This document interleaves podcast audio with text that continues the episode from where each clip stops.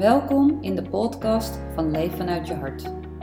In deze podcast heb ik open gesprekken met mensen over je eigen pad volgen, persoonlijke en spirituele ontwikkeling, de liefde, jezelf leren accepteren en de zoektocht naar geluk. Ik ga in gesprek met experts om antwoord te krijgen op de vraag hoe je meer vanuit je hart kan gaan leven. Ik ga op zoek naar manieren die je kunnen helpen om meer innerlijke rust te ervaren, meer verbinding met jezelf en anderen te krijgen en je leven zo in te richten dat het precies bij jou past. Uh, welkom Femke Krabbe. Leuk uh, dat je bij mij in de podcast bent. Uh, je bent coach en spreker en je spreekt heel veel over hoogbegaafd en sensitiviteit. Maar ja. ik heb natuurlijk ook jouw website even bekeken en daar staat echt bovenaan meteen ongetemd leven. Wat houdt dat in voor jou? Ja, mooi.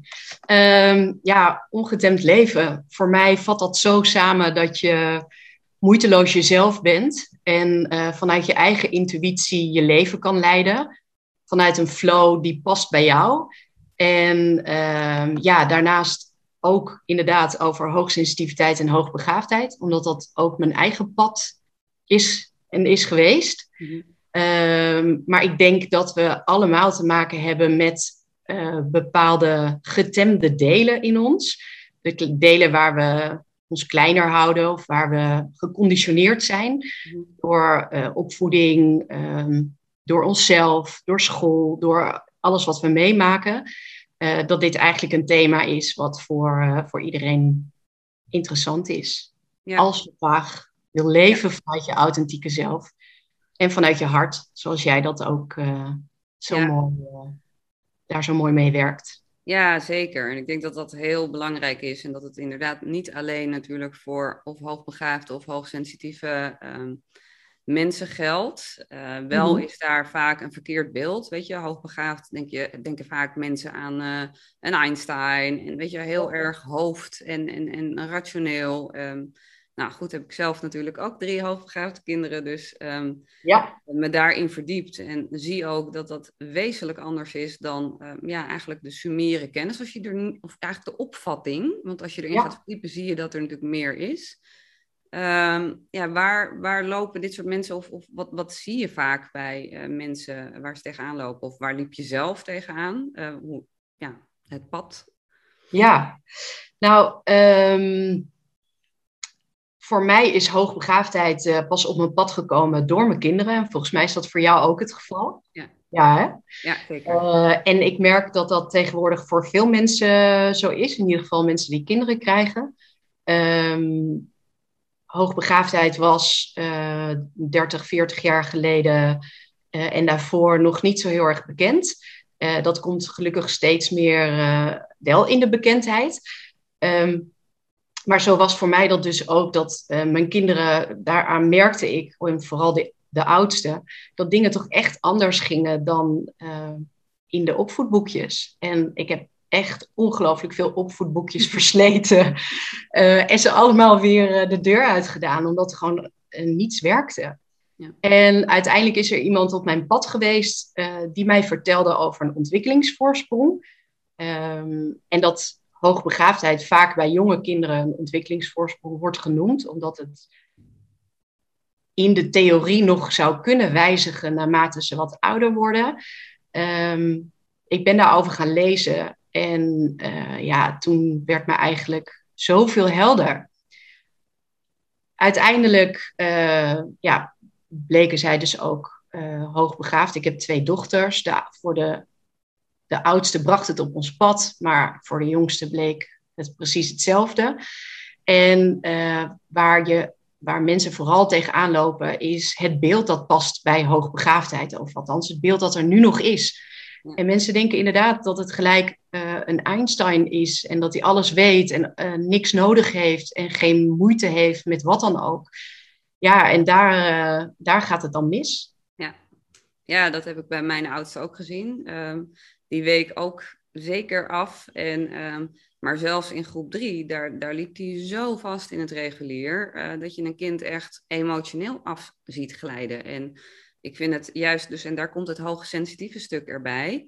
Uh, ja, wat ik ook bij, mij, bij mezelf natuurlijk ervaar, maar uh, bij mijn kinderen. Uh, die zijn zo sensitief. Die, die voelen zo diep het reflecteren. Um, maar ook de vragen, de waarom. Weet je, we, willen weten hoe de dingen werken. En dan niet zozeer uh, het, het, het beta-gedeelte, maar juist weet je, het gedrag van mensen. Waarom doen mensen zo? Of als ze dan een oefentje hebben gehad, dat ze daar nog drie dagen mee bezig kunnen zijn. Ja. En, um, ja, dat vind ik wel heel bijzonder. Uh, ja, wat voor mij echt een eye-opener was. Ja, ja, wat ik zelf heel erg vaak zie uh, bij kinderen ook, um, is dat ze hebben een hoger bewustzijn. Dus eigenlijk alles staat zo erg open. Um, uh, dus ja, hoogbegaafde kinderen hebben een hoog IQ of hoogbegaafde mensen. Um, maar waar ik voornamelijk in mijn coaching uh, zie dat mensen tegenaan lopen, is het zijnsaspect. En het zijnsaspect gaat veel meer over uh, hoe ze zich voelen en um, het rechtvaardigheidsgevoel en het, het voelen wat waarheid is of wat oprechtheid is. En bij zoveel mensen zijn bepaalde dingen in een schaduw komen te staan. Eigenlijk bij de simpele vraag al, hoe gaat het? Als mensen dan zeggen goed, maar je voelt dan alles dat het niet goed is, dan is dat super verwarrend voor een kind. Uh, maar ook op latere leeftijd uh, merk je gewoon dat daar dan uh, een verschil gaat ontstaan in um, hoe reageer ik daar dan op. En dit heb ik persoonlijk heel erg ervaren als kind, dat ik mijn intuïtie uiteindelijk ja, heb dichtgegooid of daar niet meer op durfde te vertrouwen, omdat ik zo vaak te horen kreeg van, ach nee, dat is niet zo, of uh, nee, dat zie je verkeerd. Of, maar dat waren dan eigenlijk, dan stipte ik dingen aan waar mensen liever niet naartoe wilden gaan. Of uh, wat dan te kwetsbaar was. Of waarover niet gepraat mag worden. En dat begrijpen kinderen niet, want die zijn gewoon open, oprecht uh, en heel eerlijk. Pijnlijk eerlijk soms. Ja. ja, zeker. Ik vind ook altijd kinderen zijn, weet je, wil je het bewustzijnspad opgaan. Uh, nou, uh, heb een kind voor je, je eigen kind. Die spiegelt ja. haar fijn uh, wat er nog zit. Maar um, ook ik heb dat wat je vertelt hoor, heel herkenbaar. Dat je dan dingen benoemt of vragen stelt, maar dat precies op de zere plek is. Ja. Waardoor je weerstand of ontkenning krijgt. En um, ja, als ik naar mezelf kijk um, in, in die jaren, dat je dan dus helemaal je intuïtie afsluit, op je ratio ja. gaat vertrouwen. Maar dat je dus met jezelf in conflict komt. Want je gaat zo vastzitten in je systeem. Ja. Uh, dat je ja, jezelf eigenlijk verliest. Hoe heb jij dat uh, ervaren? Want je tikte het al even aan. Ja, enorm. Um, misschien wel mooi om, uh, om, om een stukje te vertellen over hoe het gegaan is um, voor mij dat ik ook nu überhaupt werk als coach en spreker. Ja. Um, want mijn oudste dochter is, is op dit moment net tien. En uh, de jongste is net zeven. En toen de jongste geboren werd, zeven, ruim zeven jaar geleden, daarvoor voelde ik al een beetje van, jeetje, ik, ik zit echt niet op mijn goede pad. Het hoogsensitieve en hoogbegaafde was natuurlijk al bekend geworden bij ons. En op het moment dat je daar dan over gaat lezen en je in gaat verdiepen, en ook, we hebben ook hulp gezocht voor onze dochter en ook voor, ja, gewoon hoe gaan we er nou mee om? Wat heeft zij nodig? Wat kunnen we daarin betekenen? Toen heeft dat zoveel voor mezelf teweeggebracht en eigenlijk ook voor mijn eigen familie Zoals ook mijn uh, eigen vader, die eigenlijk op dat moment er pas achter kwam uh, dat hoogbegaafdheid ook voor hem een rol speelde. En uh, ja, dan ben je gewoon in de zestig en dan ontdek je dat dan pas. Dus dat heeft best wel impact. Voor mij was het absoluut een ontbrekend puzzelstukje en maakte het voor mijn fun fundament. of mijn fundament ging toen best wel een beetje wankelen alles wat ik dacht te zijn, was ik opeens niet meer of kwam in een ander daglicht te staan. En toen kreeg ik, uh, was ik zwanger van de jongste en werd zij geboren. En uiteindelijk is dat een hele heftige bevalling geweest, waarbij ik heel veel bloed heb verloren. En uh, de artsen erg veel moeite hebben gedaan om me erbij te houden. En dat kreeg ik ook te horen toen ik bijkwam uh, uit narcose. Nou, Femke, je hebt geluk dat je er nog bent. En het eerste wat door me heen ging was: uh, ga je nu je eigen leven leiden. Ja. En, en dat heeft zoveel impact gemaakt, eh, dat ik echt voelde van, uh, tuurlijk is de rest van mijn leven niet, niet mijn pad geweest, want dat hoort er allemaal bij. Uh, maar het voelde als, nu mag ik echt gaan staan en gaan onderzoeken van waar droom ik nou van en wat vind ik nou, waar word ik nou echt blij en gelukkig van en wat wil ik nou graag.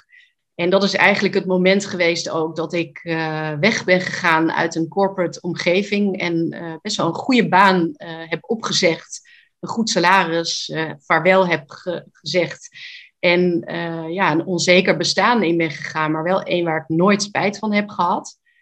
Um, uiteindelijk de tijd genomen om eigen opleidingen te volgen, eigen coaching, therapie, van alles uh, ben gaan doen. En zo ook eigen hoogsensitiviteit en hoogbegaafdheid gaan ontdekken. En daarmee eigenlijk um, ja, weer gaan zien en voelen van wie ben ik eigenlijk. En vanuit die plek merkte ik dat ik heel vaak keuzes maakte waarvan ik dacht dat ze goed waren keuzes ingegeven door uh, wat andere mensen over mij zeiden. Uh, of wat uh, mensen zeiden dat verstandig was, waar ik geld in kon verdienen, wat, ja, wat slim was. Maar daarmee eigenlijk keuzes die niet helemaal pasten bij mij. Ja. En ehm, er zijn verschillende types hoogbegaafde mensen. En ik ben, een, ik ben dan echt het, het succesvol aangepaste type. Mm. Dus aan de buitenkant leek het uh, fantastisch met mijn verschillende opleidingen, diploma's, wetenschappelijke bul. Um, maar van binnen voelde het niet, niet meer succesvol. En, uh, en dan ga je, dan, dat was echt het moment waarop ik naar binnen mocht keren en mezelf eigenlijk opnieuw mocht gaan ontdekken. Wie zit er nou onder al die laagjes, onder al die verstandige laagjes? Ja, en um, hoe ben jij het pad van jezelf ontdekken gaan lopen? Heb je daar ook echt uh, cursussen in gedaan of ben je bij coaches geweest? Um, wat, uh, ja. ja. Nou, ik zeg wel eens voor de gein, ik zou mijn muren kunnen behangen met het aantal diploma's uh, wat ik heb. Ik heb van nature enorme leerhonger. Um, dus ik vind het gewoon leuk om te leren. En ik ja. zal dat ook heel mijn leven blijven doen. Uh, maar toen ik daarmee begonnen ben uh, met een ander pad, toen ben ik eerst begonnen met coaching uh, voor mezelf.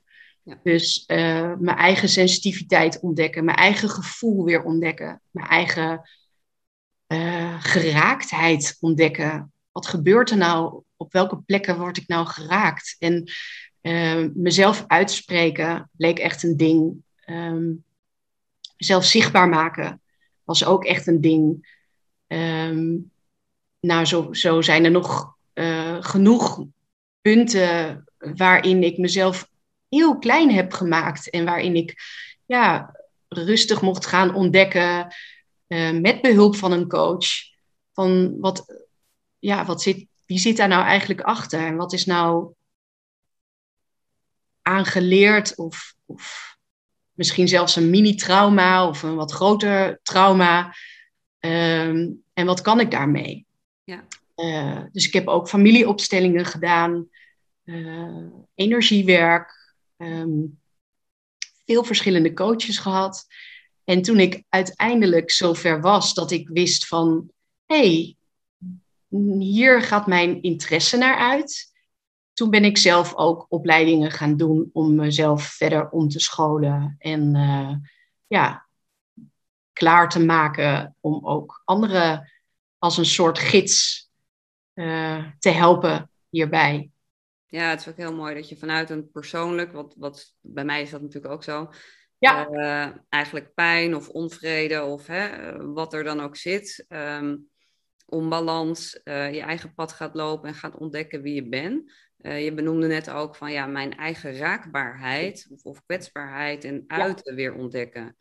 Um, wat zat daarvoor bij jou als laagje? Waar, waarom kon je daar niet bij?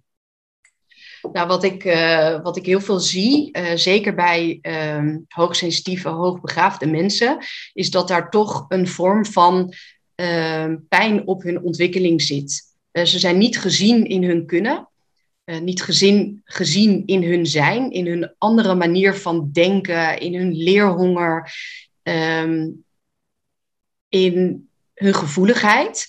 En elke keer als jij als klein kind op een andere manier iets benadert dan de meeste mensen om je heen, dan krijg je toch een soort van deksel op je neus. En op een gegeven moment zie je dat mensen steeds stiller worden en zich terugtrekken. En dus niet meer ehm, ja, dat, dat spontane stuk van zichzelf durven laten zien. En reflecterend op mezelf uh, zie ik dat dat ook voor mij uh, gold. Dat, dat ja, ik dat ook op die manier uh, heb ervaren. En ik vertel wel eens het verhaal van toen ik acht jaar was um, op de basisschool. En toen mochten we gaan optreden voor een mooi kerststuk. En ik werd samen met nog een paar meisjes uitgekozen om een liedje te zingen. En we mochten mee in um, met de, met de zangjuf mochten we mee naar de kamer van de leerkrachten. En daar gingen we repeteren. En op een gegeven moment zegt die juf, uh, stop eens even met zingen. En wij stoppen. En ze zegt, ik hoor iets.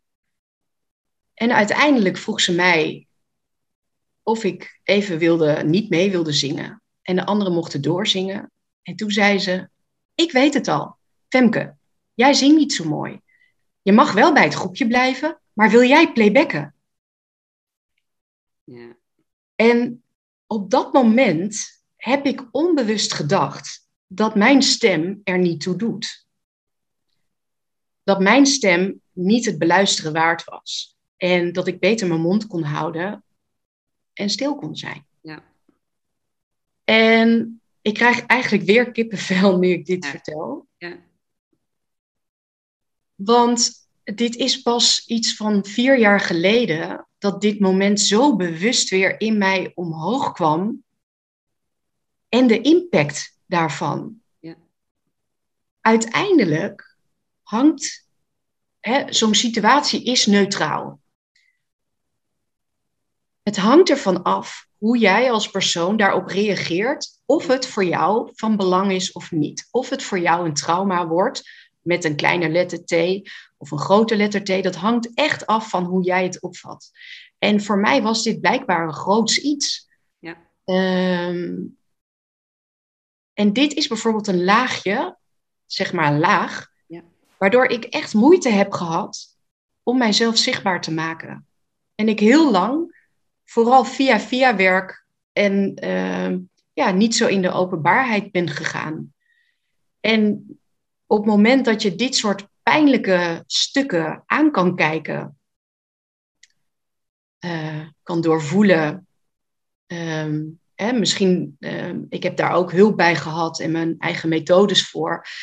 Uh, ja, dan kan je, kan je daar de les uithalen en kan je eigenlijk weer verder. Ja. Dus, dus dit was. Een heel mooi voorbeeld vind ik, omdat het is eigenlijk een neutrale situatie, zoals je al zegt.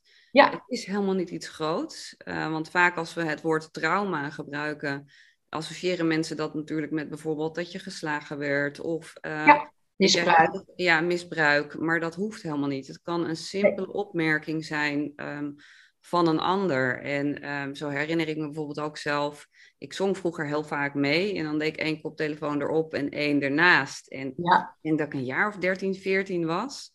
En mijn stiefmoeder zat toen te lezen, maar die zegt, joh, kan je even zachter zingen? Weet je? Ja, die vond het gewoon te hard. Maar ik heb geïnternaliseerd, maar ik kan niet zingen. Ja. Terwijl, weet je, ja, en nu ben ik ook met mijn ademsessies, ik zing vaak mee. En dan krijg je dus te horen van, oh, wat zing je eigenlijk leuk. En, maar nog, weet je, dat, dat heeft echt zo lang gekost voordat ik weer durfde te gaan zingen met überhaupt mensen in de buurt. Weet je, ja. zo'n klein iets, wat ook helemaal niet negatief bedoeld is. Maar de manier waarop ik erop gereageerd heb en geïnternaliseerd, maakt dat ik een overtuiging erop gemaakt heb. Precies. Ja, ja mooi. Dus... Ja, bij mij ging het zelfs zo ver dat ik op een gegeven moment uh, heel erg snel hees was. Dus mijn stem ging letterlijk weg. Ja. Um, uh, en heb ik daar logopedie voor gehad om mijn stem beter te gebruiken. En Ehm, ja, ik hoor nog steeds soms wel een klein rauw randje. Uh, maar eigenlijk is mijn stem, sinds ik dit weet en sinds ik hier iets mee heb kunnen doen, wordt die steeds zuiverder. En uh, kan ik eigenlijk ook steeds mooier zingen, hoewel daar de meningen over zijn. Ja. ja, ik ben ook geen Beyoncé hoor, maar goed, weet je, dat maakt ook niet uit.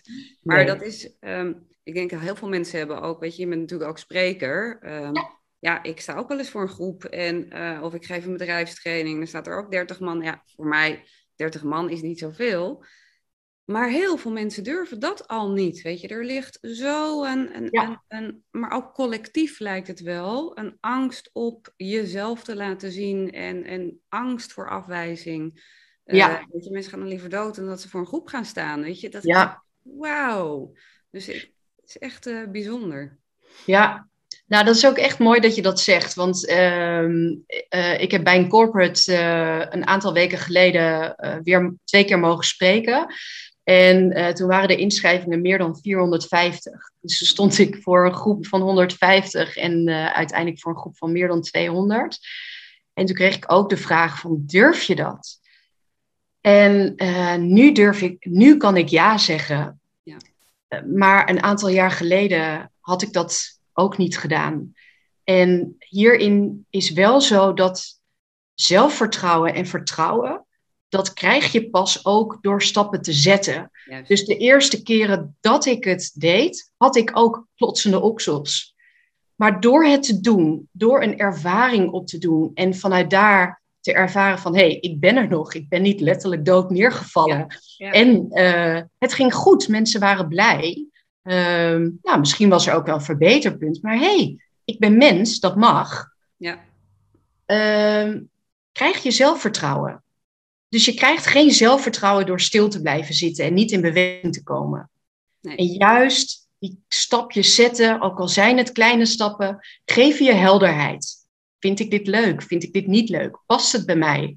Maar geef je ook het vertrouwen wat je nodig hebt om weer een volgende stap te zetten. Ja, en precies ook dit thema, ik zie dat wel heel veel in uh, het persoonlijk ontwikkelings, uh, spiritueel ontwikkelingsgebied. Um, ja. Ik leer, ik heb ook die leerhonger, dus ik doe elk jaar wel weer een opleiding uh, erbij. Nou, ik ben nu ja. bijna klaar bij Maarten Overzeer, regressie en reïncarnatie. En laatst hadden we het dus Mooi. in de groep er ook over, van ga oefenen met elkaar, maar ga het ook gewoon doen met cliënten. Um, ja, Maarten heeft 26 jaar ervaring. En heeft natuurlijk ook zijn eigen manier. Dus hij zegt, je hoeft het niet op mijn manier te doen. Weet je, vind ja. je eigen manier, maar ga het doen. Ja. En, maar je ziet altijd mensen die dan zeggen van ja, nee, maar ik heb nog een trauma hier. Of mijn voorouder dit. Ja. Of, of hè, vorig leven ja. dit. Dus ik kan het nog niet, want ik moet het eerst oplossen. Maar daarmee blijf je jezelf dus kleiner en kleiner maken. En eigenlijk de angst om het te gaan doen groter. Ja, klopt. En, uh, ja, ik zie dat ook wel hoor. Dus ik, ik roep ook altijd, ga nou gewoon doen. Al, al gaan we oefenen met elkaar. Precies. Ja, dit zou veilig moeten zijn. Ja, ja, ja, precies. En, en uh, zeker in dit geval, hè, je kan starten ook met, uh, met proefsessies. En, de, ja. en er zijn vaak genoeg mensen die dan uh, dat willen. En vanuit daar bouw je je ervaring op en kan je weer verder. Ja, ja, maar het was ook hoor, met familieopstelling. De eerste keer dat ik dat gaf, oh, klotsende oksels. Ja. Oh, weet je, maar ja, daar gaat het juist precies om. Laat maar los, het veld werkt wel. ja, uh, maar ja, we, hebben, we hebben ook zo vaak het gevoel dat wij alles onder controle hebben, maar dat is gewoon niet zo. Nee, ik denk dat juist het, het durven overgeven en ja. het hoofd uit kunnen zetten, of in ieder geval, hè, natuurlijk heb je wel wat uh, ja. nodig, maar juist het gevoel volgen en, en terug naar het gevoel en de intuïtie. Ja. Maar ook uh, bijvoorbeeld als ik één op één werk, ik volg heel erg de cliënt. Weet je, als een cliënt in één keer naar vorig leven komt, terwijl ik begon bij een oma, dan ga ik dat vorige leven in. Want dat komt nu naar boven, dus ja. dat zal nu relevant zijn. En ook daarbij je eigen agenda constant overgeven. Uh, ja, aan je hoger zelf, aan het hoge, hoe je het wil noemen, maar, uh, en aan de cliënt. Ook die het vertrouwen geven dat daar naar boven komt uh, wat er nodig is op dat moment. Ja, mooi. Ja. Mooi. Ja, je, je had het ook nog even over eh, die angst voor afwijzing. En dat is iets wat bij veel hoogsensitieven en hoogbegaafden heel erg groot is. Een soort uh, rejection, rejection sensitivity wordt het ook wel genoemd. Een ongelooflijke gevoeligheid voor uh, afwijzing. Vooral ook door, omdat uh, dat sensitieve stuk zo groot is en je vaak de, de onderstroom voelt als ja. hoogsensitieve. Ehm, kan het zijn dat, dat je je heel voorzichtig opstelt en dat je zo die boodschap achter de boodschap, uh, dat je daar heel gevoelig voor bent en um, het heel erg snel op jezelf betrekt en dan dingen, conclusies daaraan verbindt die er niet altijd zijn, uh, zeg maar gerust bijna niet. Ja. Niet zijn. Um, maar het is mooi als mensen daarmee aan de slag gaan, omdat het gewoon zo levensveranderend is. En uh, zelf geloof ik er heel erg in dat je eigenlijk niet per se hoeft te graven in het verleden. Uh, ik werk juist heel erg met het heden, uh, omdat ik van mening ben dat alles waar jij tegenaan loopt, dat weerspiegelt het heden. Mm-hmm. En vanuit daar krijg je de handvatten om te kijken, hé, hey, waar, waar vindt dit zijn oorsprong? Om vervolgens de uh, overtuiging die jou niet meer helpt, om die bij de oorsprong, bij de wortel, uh, eigenlijk weg te halen. Ja. En uh, vanuit daar ontstaan andere, een andere blik en andere keuzemomenten. En ja. ja. dat is gewoon heel, heel gaaf om mee te werken. Ja, het is ook. Maar je zegt wel inderdaad, ik ga naar de wortel. ja. Wat ik ook zelf ervaar, mensen komen natuurlijk met een klacht wat, wat, of hè, iets waar ze mee zitten in het heden. Ja, uh, zeker. Maar daar, weet je, nou, daar ga je eerst mee, hè, dat, dat breng je in kaart. En daarna ga ik terug ook naar de wortel. Soms is dat innerlijk kindwerk, uh, soms is het hè, ja. um, uh, van een x aantal jaar geleden. Um, maar soms merk ik dat je, en daar komt natuurlijk mijn spirituele stuk erbij. je, je kiest als ziel je familie uit. Daar liggen bepaalde thema's die je uit te werken hebt. Maar die Zeker. ook correleren aan een vorig leven. En soms is die wortel al, dus of soms zelfs al in de baarmoeder ontstaan. Ja, zeker. En, um, ja. Ik ben er wel van, ik ga er naar terug. Dan los je een stukje op. Maar daarna ga je kijken, oké, okay, en hoe kan ik nu, als ik tegen deze situatie aanloop, een andere keus maken? Wat zou je kunnen doen? Dus ook heel helder eigenlijk die handvaten geven van hoe kan ik in het nu anders kiezen. Ja. Volgende week weer uh, in zo'n situatie kom. Um, ja. Hoe doe jij dat in je werk? Uh, ja, ik heb uh, verschillende technieken daarvoor. Ik werk, um, we hadden het al heel even van tevoren ook over, um, over uh, reading en healing. En um, ik heb met jouw vraag van, hey, welke, welke opleidingen, welke dingen heb jij gedaan? nou ja, reading, healing, maar ook een, een uh, 500 uur yoga-opleiding. En ik geef ook yoga-les elke week. Um, uh, voor mijn eigen uit mijn hoofd komen, uit mijn hoofd blijven.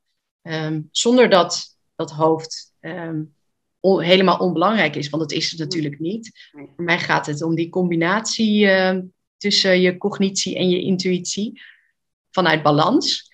Um, en nou ja, eigenlijk nog zoveel opleidingen dat ik ze eigenlijk niet eens allemaal zo meer weet te herhalen. Maar ik maak uh, gebruik ook van de reading en de healing in, uh, in coaching. Um, maar wel op een manier, uh, want voor veel, ik begin ook een beetje te haperen, merk ik. omdat daar ook een soort beeld van is, um, een zweverig beeld. Um, en dat hoeft niet, want het is eigenlijk heel erg mooi aards en met prachtige handvatten waarmee je juist weer verder kan. En uh, voor mij is het die combinatie die uh, ja, tot, tot een persoonlijke transformatie werkt. En uh, waar, waar ik en meestal de mensen met wie ik werk ook gewoon heel blij van worden. Ja. Dus ja, ook een beetje wat zich aandient. Dat is denk ja. ik het mooiste. Ja, maar dat is ook denk ik heel mooi, omdat je natuurlijk ook heel veel opleiding hebt gedaan. Ja, je pakt er ook stukjes uit wat aanvullend ja. is voor jou en wat bij jou past.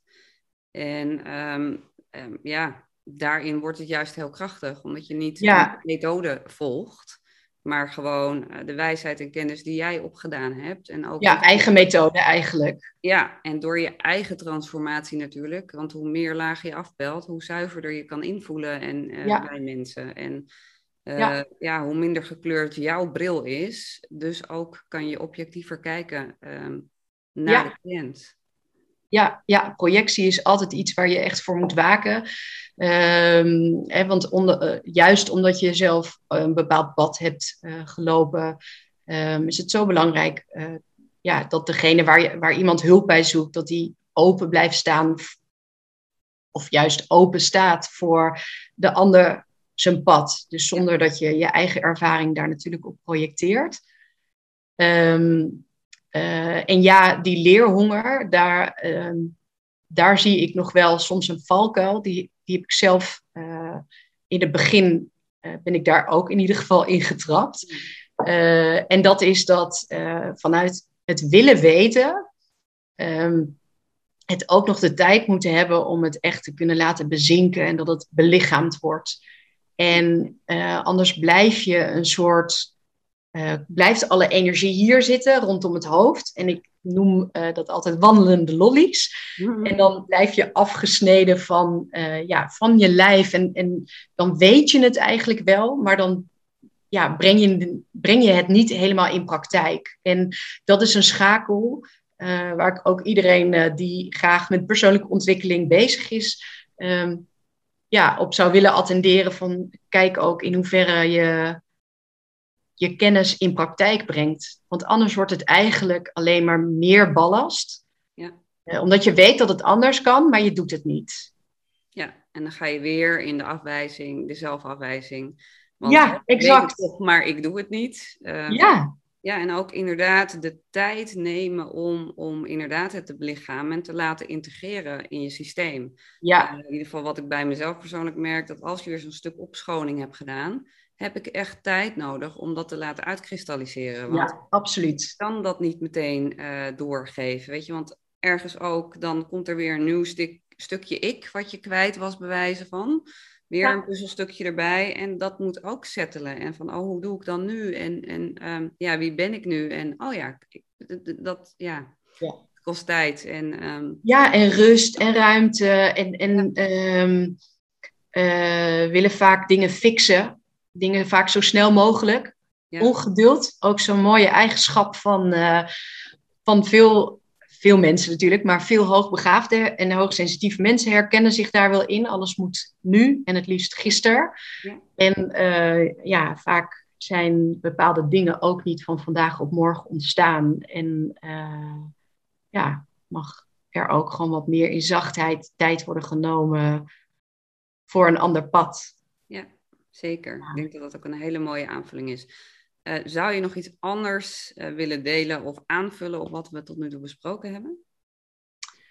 Um, nou, wat ik nog wel wil zeggen is dat um, je vindt mijn uh, specialisatie over hoogsensitiviteit en hoogbegaafdheid niet heel groot terug in mijn uitingen.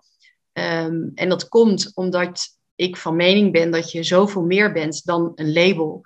En voor mij is het heel fijn en handig geweest om het vast te pakken, om het puzzelstukje te integreren in mijn fundering, mm-hmm. om het vervolgens ook weer los te kunnen laten en uh, ja, te, te kijken naar mijn unieke kwaliteiten, zoals ook ieder ander die heeft.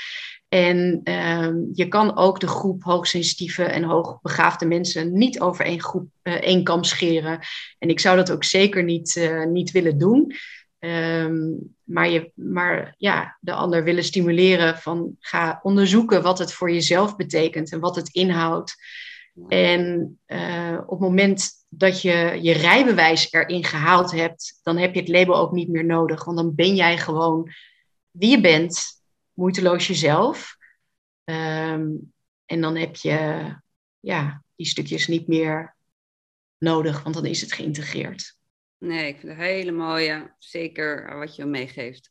Het gaat erom, de, inderdaad, om het aan te vullen. Kijken of je herkenning vindt, of je stukjes van jezelf herkent die je misschien kwijt was, wat je kan integreren. Ja. En ehm, ja, zodat je thuis kan komen in jezelf. Ja. En om vervolgens gewoon te zijn wie je bent. Ja, en vanuit het weten en eh, niet alleen de kennis, maar ook het diepe voelen wie jij bent, uh, pas dan kan ook, of pas dan weet je eigenlijk wat je wil. En pas dan kan ook de ander jou ondersteunen in wie jij bent en in wat jij nodig hebt om ja, tot bloei te komen, te floreren. Mooi. Nou, dan wil ik hem bij deze afronden. Mooi. En uh, jou heel erg bedanken voor je wijsheid en kennis die je hebt gedeeld en ook je persoonlijke verhaal. Ik denk dat heel veel mensen uh, daar wat mee kunnen. En um, ik ga jouw website femkekrabbe.nl, uh, die benoem ik uiteraard nu, maar die zal ik er ook nog bij zetten, zodat mensen als ze bij jou in coaching willen of vragen hebben, jou kunnen benaderen. Nou, jij ook heel erg bedankt Carolien voor je uitnodiging en voor dit leuke gesprek. Yes.